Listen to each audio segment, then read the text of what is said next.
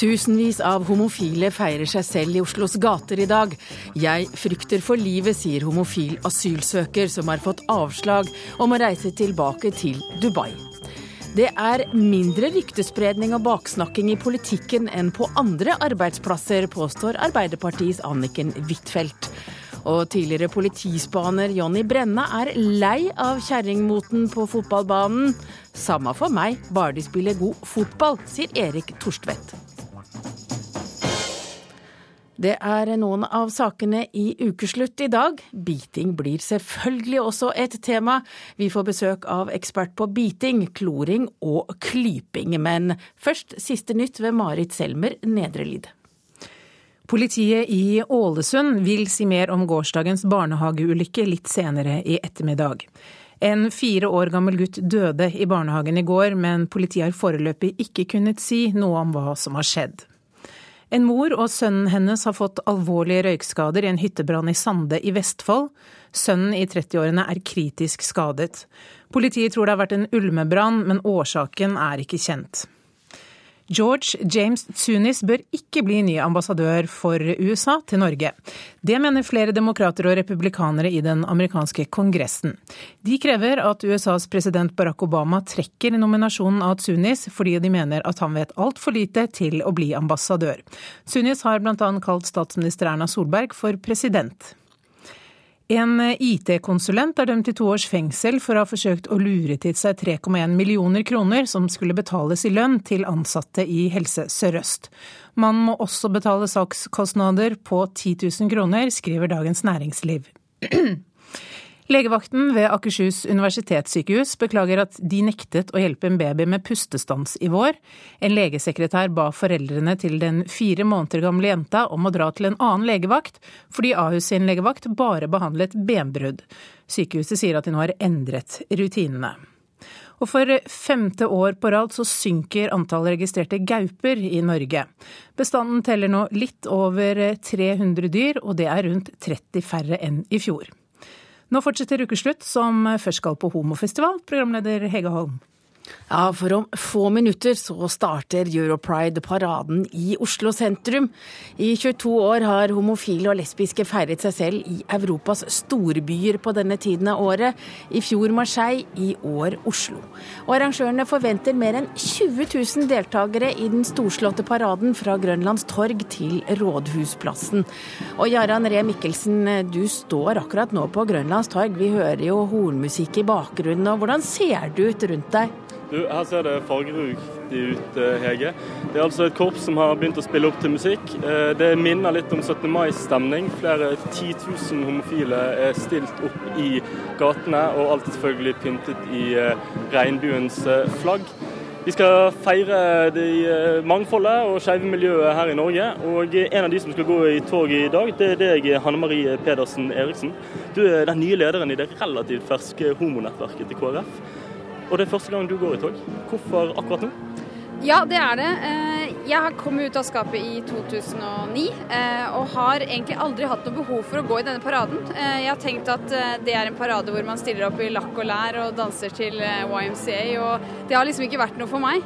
Men så har jeg vært i Hellas et halvt år og studert. Hvor jeg har vært i et samfunn hvor det er mye mer konservativt. Vært, jeg har møtt grekere som ikke tør å si det til noen at de er homofile. Og jeg valgte å delta i paraden der, og det ga absolutt mersmak. Og det handler om å gå for de som faktisk ikke kan gå i paraden. Dere har eh, for ikke lenge siden startet et homonettverk i KrF. Hvorfor velger dere å gjøre det akkurat nå? Det falt seg litt naturlig. Vi er eh, flere og flere i KrF som er åpne om legningen, og som også er med eh, og engasjerer oss. Og vi så at vi trengte et samlingspunkt hvor man kan utveksle erfaringer, og vi kan også være en ressursgruppe for partiet. For vi har jo en historie hvor eh, det har vært vanskelig for homofile å stå fram, og hvor det har vært vanskelig å ta f.eks. debatter om homoekteskap og eh, ja, osv. Og, og da så vi at det, eh, nå var det på tide å kanskje starte denne gruppen. Har du sjøl kjent på at det kunne være vanskelig å være homofil og KrF? Det har jo vært noen utfordringer de siste årene, men for det meste så har jeg blitt tatt veldig godt imot. Og jeg får lov til å ja, få et utløp for mitt politiske engasjement i partiet, og det har vært helt supert. Er KrF representert i paraden i dag? De er representert ved meg. Så nå skal jeg prøve å gå og se om kanskje vi skal få oss en fast plass neste år. Og det Ja, For homonettverket var litt seint ute i år? Ja, det var vi. Og, ja, jeg må nesten litt se an. Er, er det sånn at mine fordommer blir oppfylt i dag, eller vil jeg få et helt annet blikk på homoparaden? Her ser det i hvert fall ut som at de har fyrt ordentlig opp.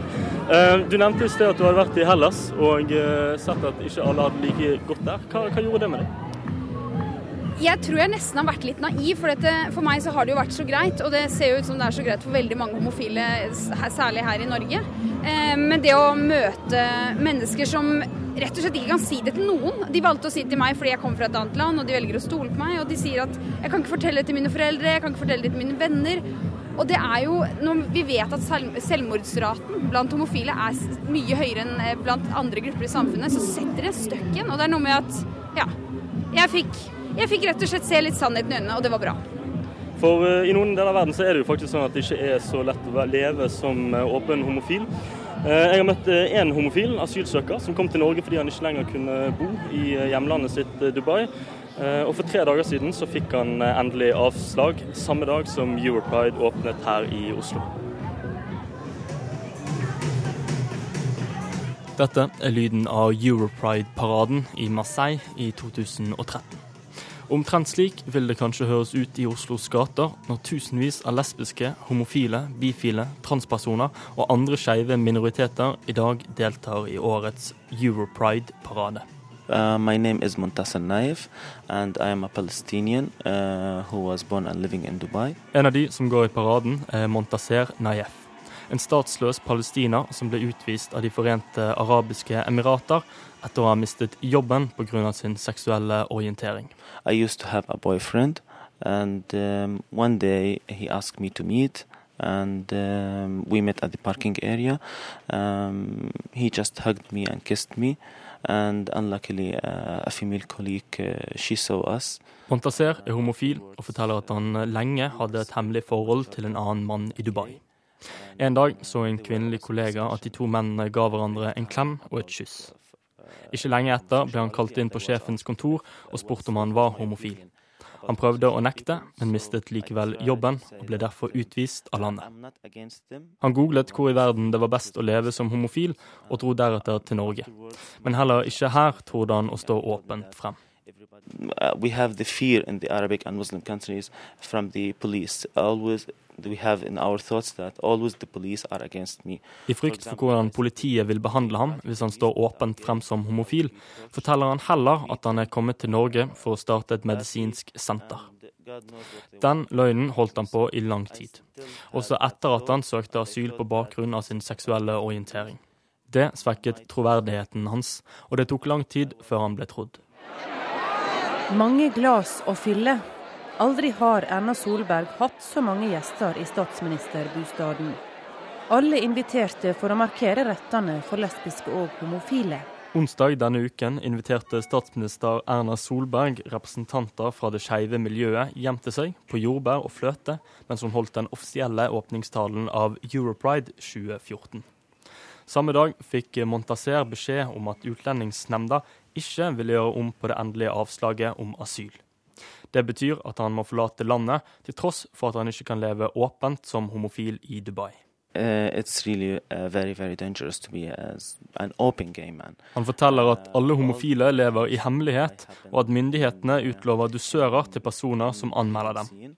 De som blir oppdaget, tvinges til å gå i terapi eller settes i fengsel, og politiet tyr til vold hvis de ser at du er åpen om din homofile orientering.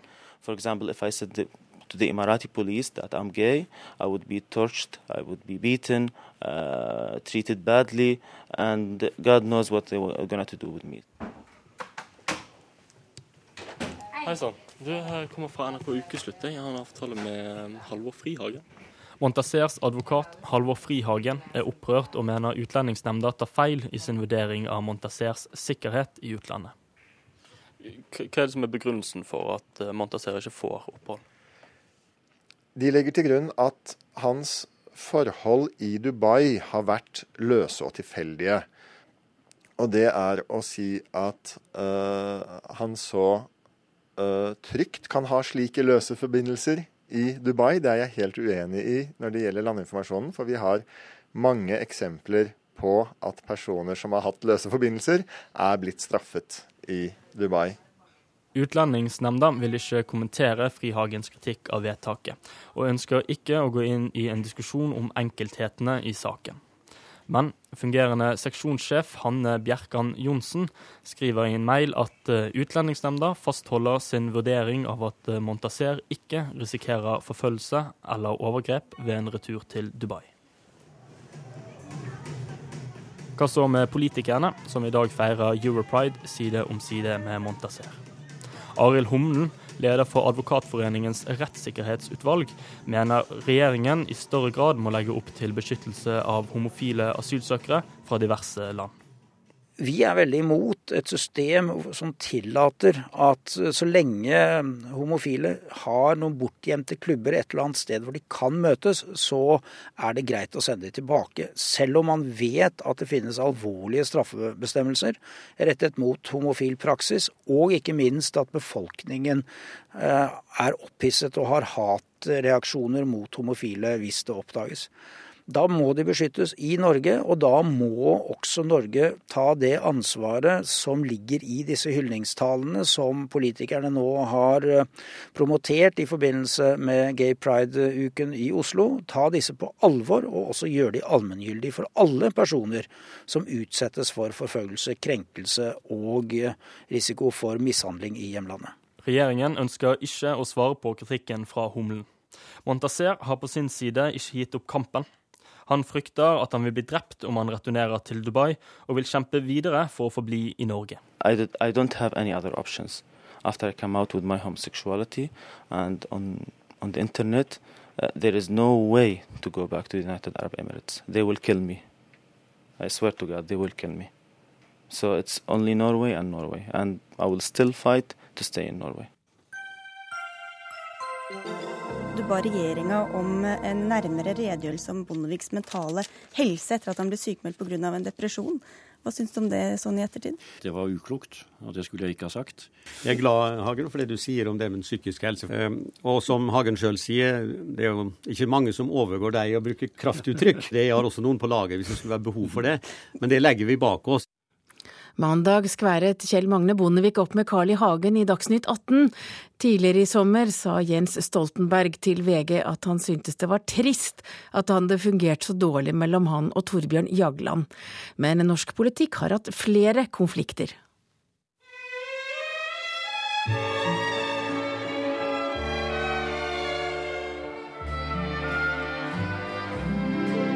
KrF være i regjering, så er vi avhengig av en balanse mellom sentrum og høyre. Og da kan vi ikke binde oss i tillegg til et høyrepopulistisk parti. Det er ikke aktuelt at Fremskrittspartiet deltar i noen forhandlinger hvor det er en teoretisk mulighet for at statsministeren skulle hete Kjell Magne Bondevik. Du får ikke like mer i våre skår. Jeg er ikke venner med deg mer. De sier det, de sier det fordi de ønsker ikke at, eh, at Bondevik skal bli sur. Jeg syns det var hyggelig å kunne fortelle lytterne at uh, vi i hvert fall er enige om det tallet for Willoch. Det, det, kunne vi jo prøve på en del andre områder, så slapp folk å høre på all denne ballkastingen. Ja, jeg må skuffe deg. Det er jo leit å si det, men jeg kan ikke si at jeg er enig i dette tallet. Du sitter ikke som LO-leder. Det gjør ikke jeg. Det gjør ikke Yngve Hågensen, det gjør ikke Tor Aspengren. Og er sånn Ja, jeg kaller det pusekatt. Og jeg gir blaffen i om det er presse her, og det er taktisk og det er informasjonsfaglig feil eller helvete heller. Jeg har en integritet å ivareta. Dette står jeg for. Og jeg har ikke noe problem med å stå for den jeg er. Og det har jeg også tenkt å gjøre fram mot denne valgkampen.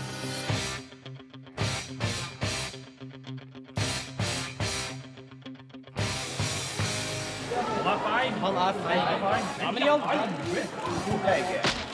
Kan du, kan du si det? Det var et slag. Rolig. Helt rolig nå. Du kaller meg for feil. Helt rolig. rolig. Helvete, du beklager. At eh, noen har trua seg til å danse med Anniken eh, Huitfeldt på et eh, fylkespartimøte, det skjønner den personen må ha vært jævla full, for å si det sånn.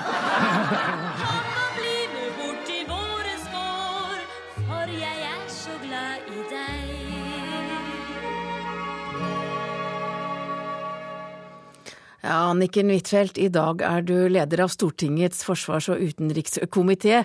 I 2002 så klaget du over dansepresset unge kvinner ble utsatt for i Arbeiderpartiet. Og her hørte vi altså Torbjørn Berntsen svare deg med å si at man skal vel være full for å danse med Huitfeldt. Hvordan reagerte du?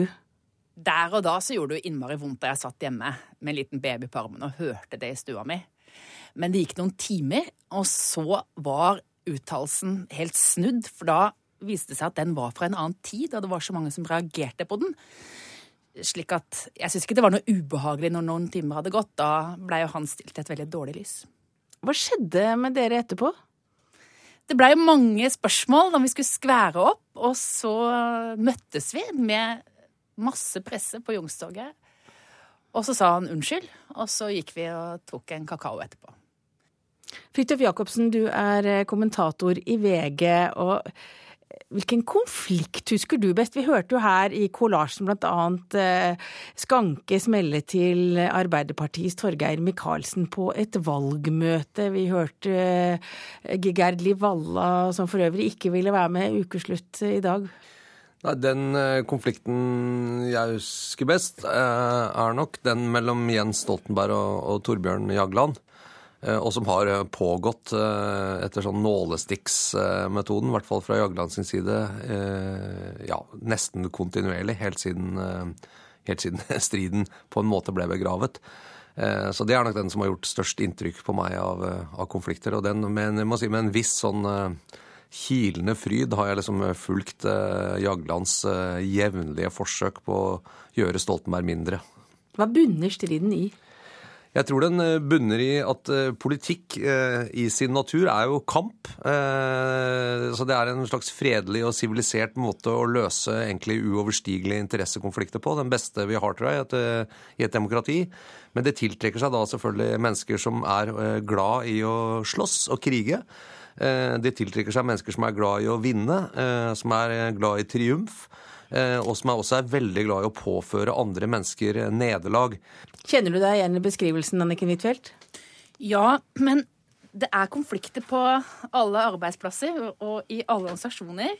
Men forskjellen i politikken er at uh, det er mer offentlighet om dem. Men du har levd med f.eks. konflikten mellom Torbjørn Jagland og Jens Stoltenberg. Den har du levd ganske tett på. Hvordan har du opplevd det? Det var jo prega jo meg da jeg var leder i AUF, men det var jo også stor grad av politisk enighet mellom de to. Det var sjelden var politisk uenighet. Og det er nok verre når, Hva slags uenighet var det da? når de to konfliktene blir overlappende når det både handler om person og politikk. Sånn som partiet var råka av på 70-tallet. Da var det nok mer grunnleggende enn det vi opplevde. Men vi, men vi opplevde jo at det var uenighet. Hvis det hadde vært eh, konsensus og enighet og bred sånn harmoni og hold hender om alle politiske saker i Norge, så tror jeg folk hadde vært veldig lite interessert i hva politikerne egentlig drev med. Var det morsommere å være politisk journalist før i tiden, eh, da f.eks. konflikten mellom Håkon Lie og Einar Gerhardsen bare eskalerte? Alle, alle, som har levd en stund, syns sikkert at ting var morsommere før. Jeg syns det er ganske interessant å være politisk journalist i dag òg, men, men jeg ser at at det er nok et eh, Altså det er et lavere tenningsnivå, og du har hatt en generasjon politikere. Eh, Erik Solheim, eh, Lars Bonheim, Carl I. Hagen, Kjell Magne Bondevik, Torbjørn Jagland, eh, som har vært eh, veldig hva skal man si, relativt mye mer selvopptatte enn dagens politikere. sånn som Anniken Huitfeldt og sånn er jo, har et godt stykke igjen på forfengelighetsskalaen når det kommer til disse folka her. Noe man har sett opp også bøkene de har skrevet i ettertid, som stort sett handler om at de har skjønt alt som ingen andre har skjønt, og alle andre er idioter, og at det var de som var liksom beveggrunnene. Derfor er det også litt rørende når, når Bondevik og Hagen møtes da, som litt sånn oldemannsliga og skal gjøre opp en eller annen konflikt som for lengst har slutta å opphøre som politisk dimensjon, men allikevel får en slags sånn omfattende en viss interesse. Eh, og, og, det at denne, at denne nesten ekstremt forfengelige og selvopptatte mennesketypen ikke er så mye til stede i politikken lenger, har nok også dratt ned konfliktnivået litt. Anniken Huitfeldt, er det viktig med forsoning? Jeg tror det er viktig for den enkelte, spesielt når det roer seg. Husk, når man har en topposisjon, så skjer alt veldig fort. Og det man angrer på når ting blir litt roligere, er jo hvordan man behandler enkeltmennesker. I hvert fall har jeg gjort det. Og da eh, tror jeg det er viktig for den enkelte å, å skvære opp med den han har hatt konflikter med. Men jeg må jo si at i den konflikten som har vært mellom Hagen og Bondevik, så skjønner jeg jo Bondevik på mange måter. Fordi at han gikk, til, han gikk over en strek, Carl I. Hagen. ikke sant? Han, han, han angrep Bondevik mens han lå nede, mens han hadde en depressiv reaksjon mens han var sjukmeldt. Og det er på en måte noen uskrevne regler for hvordan man behandler hverandre i politikken, som han da gikk over. Vi har jo hørt et knippe med konflikter her, Fridtjof Jacobsen. Hvem er drømmeparet i skriftestolen din? Christian Tybring-Gjedde eh, mener jeg er en interessant figur. Eh, som har eh, lagt seg ut med omtrent alle, også sitt eget eh, parti. Eh, jeg skulle gjerne Altså, jeg synes jo Frp imot, under, under, Siv Jensen så har de tatt sånne konflikter så veldig ned. Jeg tror ikke, altså, Christian Tybring-Gjedde hadde ikke blitt gammel liksom, med sin oppførsel hvis Carl I. Hagen hadde vært partileder. Men jeg skulle gjerne hørt den, liksom, den reelle konfliktnivået mellom f.eks. Siv Jensen og Christian Tybring-Gjedde. Det tror jeg hadde vært eh, interessant. Og så eh, er jeg jo også litt nysgjerrig på, eh, etter at eh, Erna Solberg ble falt i ryggen av såpass mange i sitt eget parti eh, i 2008 og 2009 hvem hun fortsatt eh, har i svarteboka. Eh, hvorfor ble ikke Nikolai Astrup miljøvernminister, f.eks.? Eh, og hvem er det som fortsatt kan gå rundt og, og tenke at vi, vi, vi tapte den fighten med, med, vi prøvde å få kasta Erna Solberg i, i 2009. Så, og noen av oss er fortsatt i hundehuset. Det skulle jeg også gjerne hørt. Per Sandberg? Ja, per Sandberg har skrevet en hel bok, så er det noe igjen som stort sett handler om hvor dumme alle andre er, bortsett fra han sjøl.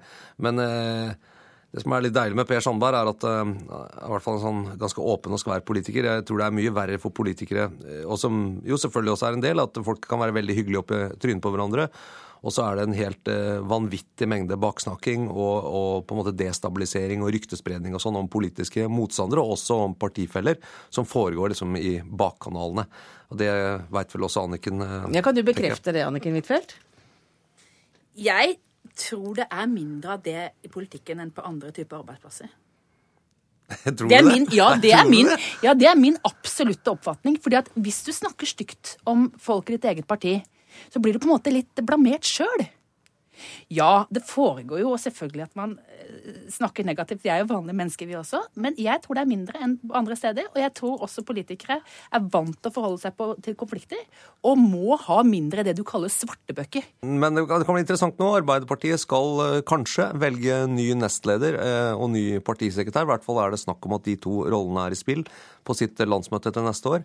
Her kan det bli en del personkonflikt, en del fight, en del fløykamp. Kanskje. Det er ikke sikkert at det går like eh, smooth som det gjorde da Jonas Gahr Støre tok over. Så får vi se på om Anniken har rett, ja, om det er mindre konflikter i politikken enn det er i arbeidslivet. Du gleder deg? Ja, vi kan ikke snakkes etter at det er ferdig, Anniken. Politiet i Ålesund har akkurat sendt ut pressemelding om hva som skjedde med fireåringen som døde i en barnehage i går. Du har mer, Maris Helmer Nedrelid. Ja, Politiet er nå ferdig med de tekniske undersøkelsene, og de tror at eh, gutten døde etter at han fikk en snor fra en ryggsekk rundt halsen. Eh, ulykken skjedde i ellevetiden, og selv om man satte i gang livreddende tiltak, så klarte de ikke å redde gutten. Og nå etterforsker politiet saken som en ulykke. De vil bruke helgen og de neste dagene til å gå gjennom detaljene før de sier mer om hva som skjedde. Du hører på Ukeslutt i P1 og P2. Du får høre mer om disse sakene den neste halvtimen. Per Sandberg er FrPs James Bond, mener Frank Aarebrot. Og mens Bond har lov til å drepe, har Siv Jensen gitt Sandberg rett til å sutre. Du får også møte Norges fremste ekspert på nærkamp, der det er viktig å bite der smertene er størst. Er fotballspillerne blitt for jålete? Eh, altså Det er jo bra at de ser bedre ut enn de gjorde på 90-tallet, da, men det er jo mye med drakten å gjøre også. Men ja, de er kanskje litt for jålete. Ja, klart. Helt klart. Det er jo ingen som har svarte sko lenger heller. Det er jo bare grønne og rosa sko. Så det er jo det er sånn fotballen er blitt. Det blir for kleint, liksom. Så du han med blomster? Altså, Frisyren hans var blomster på sida. Da tenkte jeg shit, nå har vi gått for langt. liksom. Men eh, hvem er den mest jålete? Mest jålete, det må være Ronaldo. Uten tvil. Det franske landslaget hevder seg bra, syns jeg, på jålerier. Det er selvfølgelig Ronaldo. Neymar, da. Neymar. Ikke, ikke highlights, Neymar. Du, du er for jålete. Ja. Men det er ikke jåleri uten grunn, for sultne designere benker seg foran TV-skjermen når verdens fotballstjerner møtes til verdensmesterskap. Og de speider etter perfekte kropper som passer inn i designerklærne.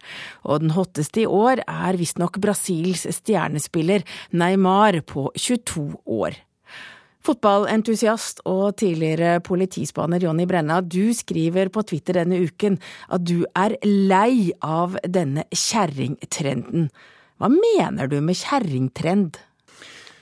Ja, altså jeg begynner å bli en eh, moden mann, og jeg husker fotball som det var. Eh, fra arbeiderklassen og, og, til det mer, mer, familiære og inn til dag hvor det blir en, inn i en moteindustri. Og, og, og, i mine øyne i hvert fall så, så kaller det for en, en kjerringtrend. For det virker som at uh, disse spillerne blir mer og mer uh, opptatt av det metroseksuelle. Altså det utseendet blir uh, deres karriere nummer én og en halv ved siden av fotballen, og det tar fokus fra fotballen, og det tar fokus fra kanskje de, og det tar også et signal til, til andre yngre spillere hva er det som er viktig å, å, fokusere på. Men for at fotballspillerne skal være interessante, så må de jo være dritgode på banen også. Det holder jo ikke bare å være pen.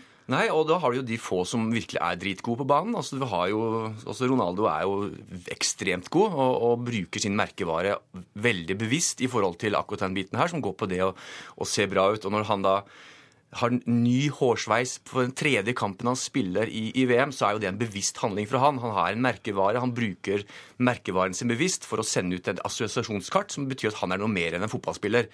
Og jeg syns at det tar litt av, og det kan vi se spesielt i det VM her. Erik Thorstvedt, eh, du er vel Norges eh, beste keeper ever, og du har jo også spilt eh, for Tottenham. Hva syns du om det Brenna kaller en kjerringtrend?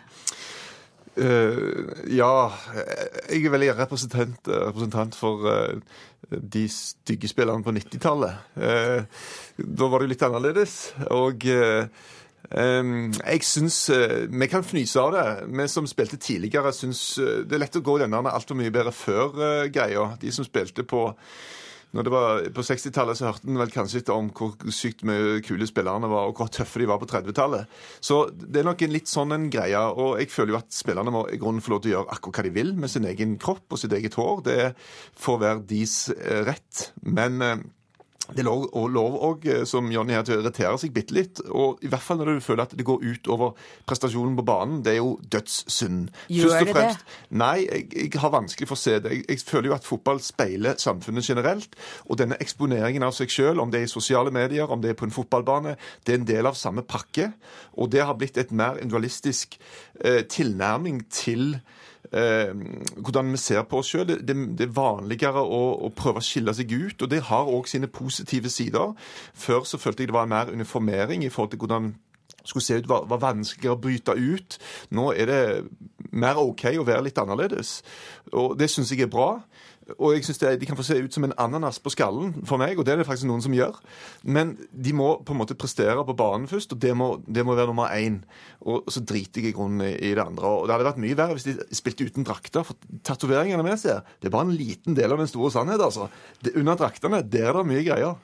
Ja, og der er vi jo litt inn på du ser på tattiser. Eh, så det er, Den sjømannstatoveringen er borte. Ikke sant? Så det er, jo, det er jo et smykke. Altså Man har jo man har tatovert hele kroppen for å vise fram det skulptering av, av en kropp.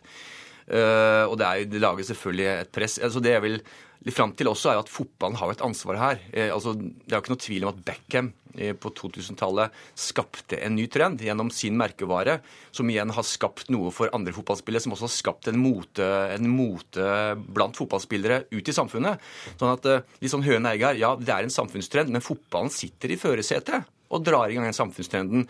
Og Men Brenna, er... mister du litt fokus på fotballen når du begynner å glo på tatoveringer og hårsveiser og Nei, altså, jeg, jeg, er faktisk en fyr som har sesongkort på et dårlig førstedivisjonslag på Jessheim. Uh, og jeg liker at gutta uh, virkelig smeller til, og at det smeller i, i leggskinner, og at folk gir jernet. Den dagen de begynner å komme med ananas på huet, og kanskje sånn som Drillo sa i går, man legger seg altfor lett ned, og man, man viser at man har det vondere enn man egentlig har, da forsvinner jeg også. Men det er vi som står igjen på, på banen, som er, det er vi som, som er si, fundamentet i fotball. Og jeg syns at det fjosseriet det drar fundamentet bort fra det fotballen har vært, og kanskje bør være. Og jeg er redd for at det er ikke den veien fotball bør gå i framtida. Er fotballen i ferd med å bli ødelagt, Erik Thorstvedt? Nei, langt ifra. Jeg tror det er ganske mange som syns det er mer interessant å se på nå. Ganske mye damer, for, for eksempel, som syns det er OK at det er en litt større differensiering i forhold til hvordan folk ser ut. At eh, noen følger eh, noen form for trender, noen skaper trender.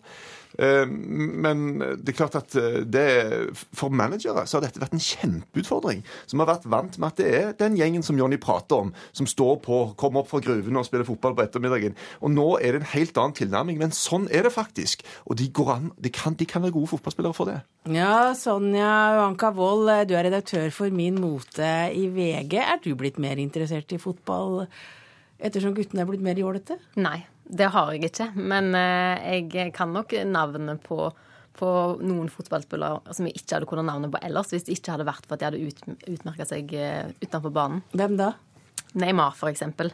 Han hadde jeg ikke hørt om før jeg så han på coveret av eh, brasilianske Vogue, som er verdens mest kjente motemagasin. Hvor viktig er VM for designere?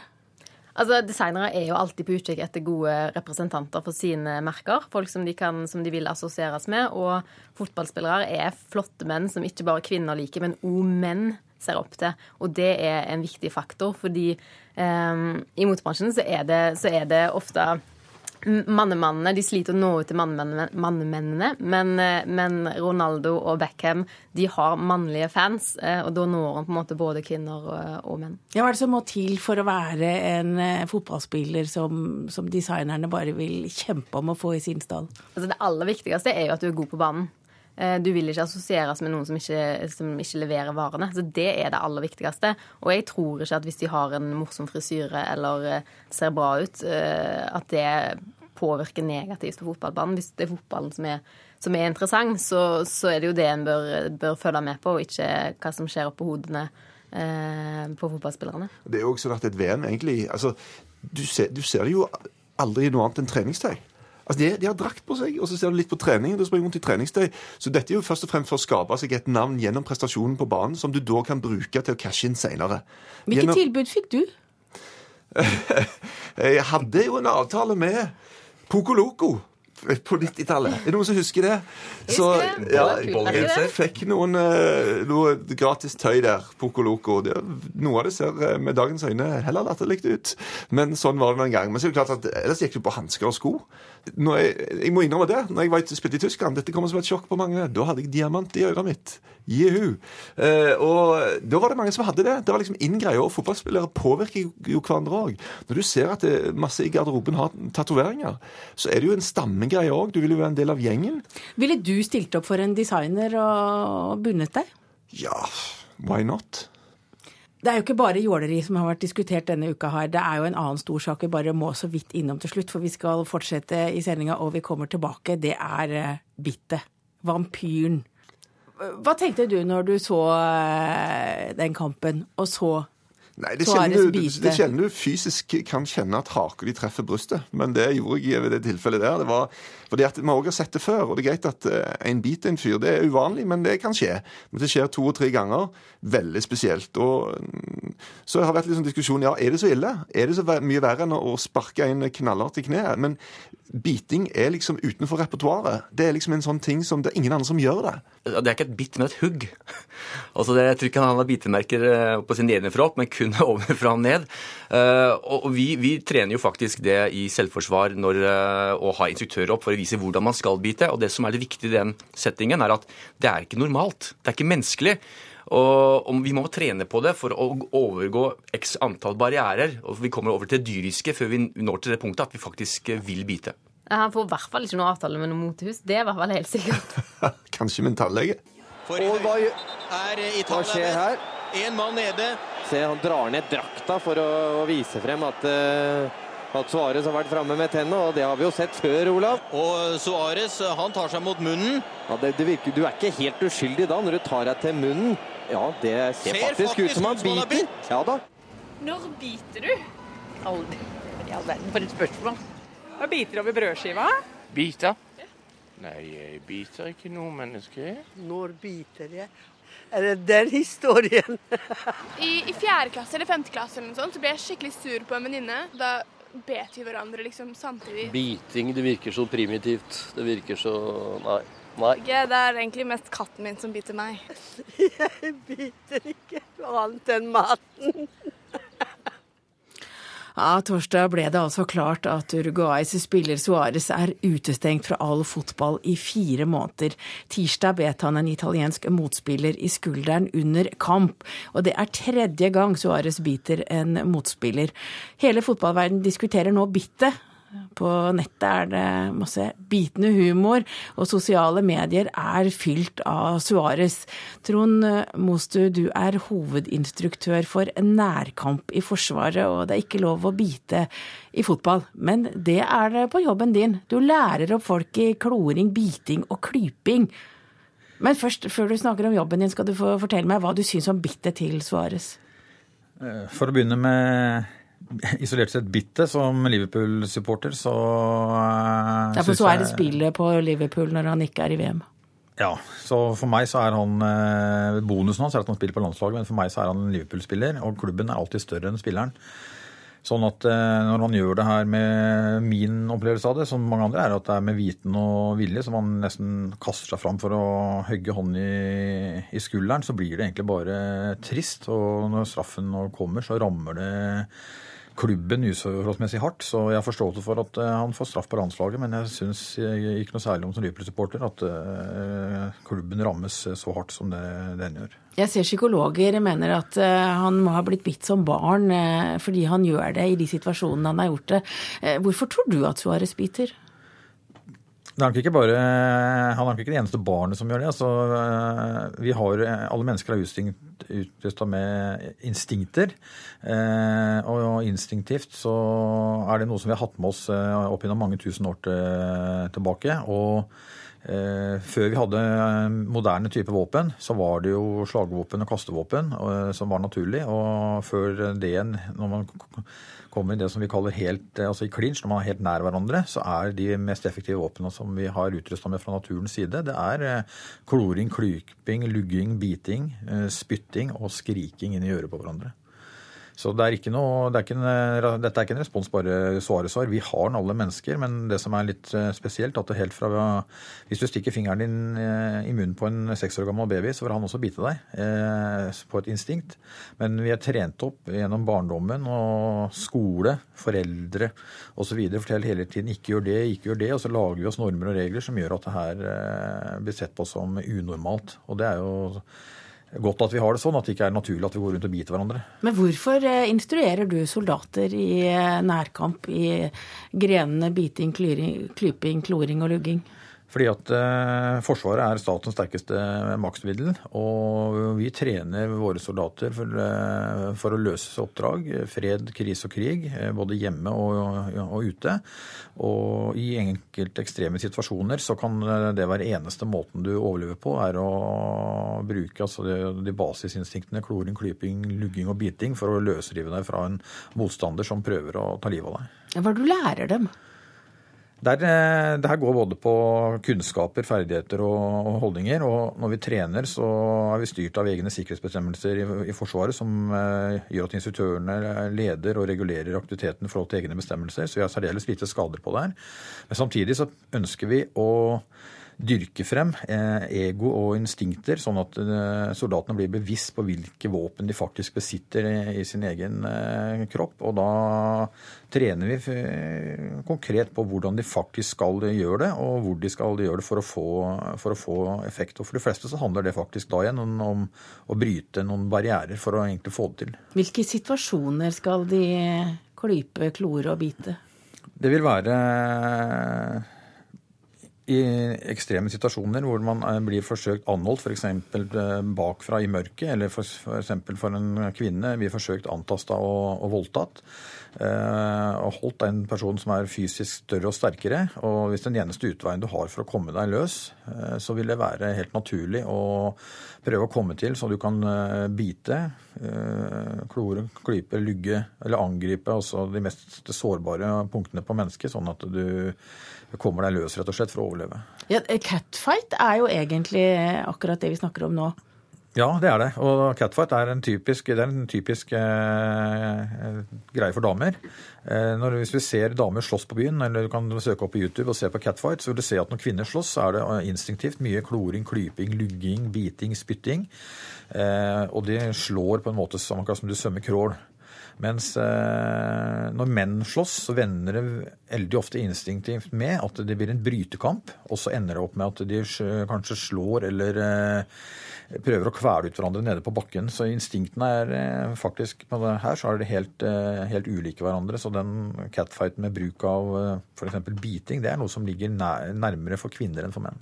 Nå har jeg sagt at du skal få lov å bite meg. Nå skal du forklare. Hvis jeg var din motstander nå, og du skulle bite, så skal jeg komme bort til deg, men du må først forklare. Hva vil du helst gjøre? Hvordan, hva tenker du da?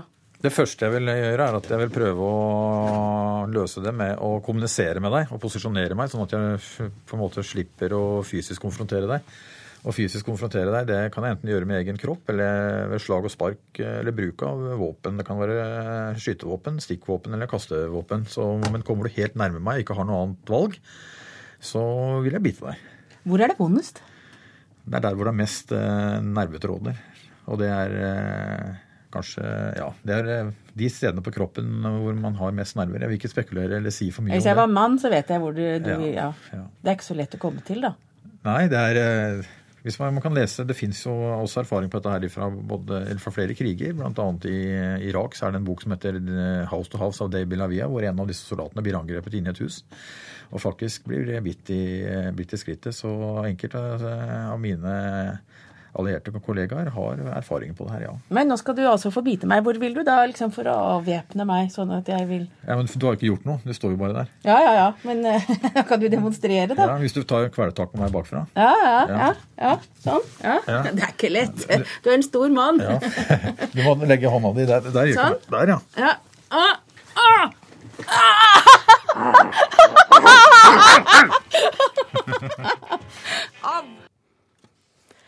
I svart dress, sløyfe og pistol ble FrPs Per Sandberg avbildet i Dagbladet denne uka, som Siv Jensens agent 007. Men hva har egentlig James Bond og Per Sandberg til felles?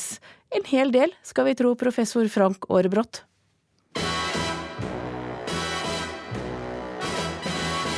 Uh, James Bond har jo lisens for å drepe i et land der mord er forbudt. Eh, og Per Sandberg han har jo da lisens til å klage på Kristelig Folkeparti og Venstre i en regjeringsstøttekoalisjon der man skal være snille med hverandre. Dette sier professor i sammenlignende politikk ved Universitetet i Bergen, Frank Aarebrot. Men hvem er egentlig Siv Jensen? eh? Hun er M, etter min oppfatning. If you think for one moment I don't have the balls to send a man out to die, your instincts are dead wrong. Nemlig den som gir James Bond lisens til å drepe, eller gir, gir Sandberg eh, lisens til å klage. For dette er jo da et forsøk på å beholde kjernevelgerne. James Bond har pistolen, så har jo han kjeften, for å si det slik. Utgiftspartier kalte Sandberg Venstre og KrF for denne uka. Og det er på ingen måte første gang han kritiserer støttepartiene. 16.10 var den nye Høyre- og Frp-regjeringen på plass, men etter 100 dager med skryt og godord mellom regjerings- og støttepartiene, brøyt selveste Sandberg, eller Agent 007 om du vil, idyllen. Og siden det har Venstre og KrF vært Sandbergs skyteskiver, mener Aarebrot. Eh, innimellom så får man et inntrykk av at eh, Venstre og KrF opererer som at de sitter alene i regjering. Så er det jo sånn at vi mister jo tillit eh, i forhold til disse to partiene. Vi vet jo nærmest ikke hvor de hopper hen. Nå tror jeg også at Kristelig Folkeparti og Venstre bør måles ut ifra sin størrelse, og ikke hvor mye tran de inntar. Jeg tror ikke de skal strekke strikken noe betydelig lenger. The name's Bond. James Bond.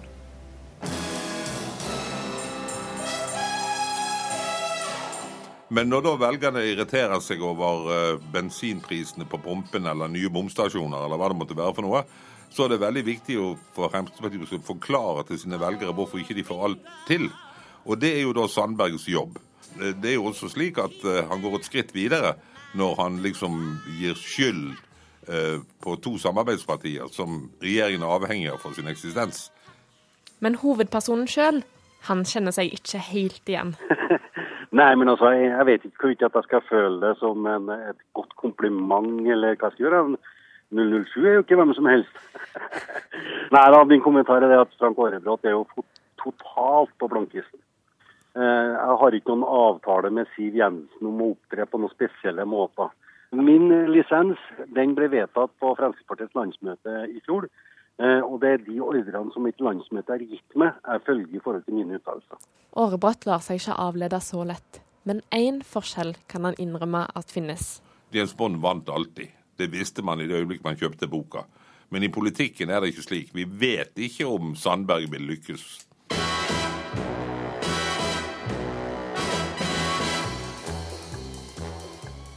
Og vår båndreporter var Ingvild Braut. Og da er tiden kommet fram til at vi skal få et værvarsel for de neste 24 timene.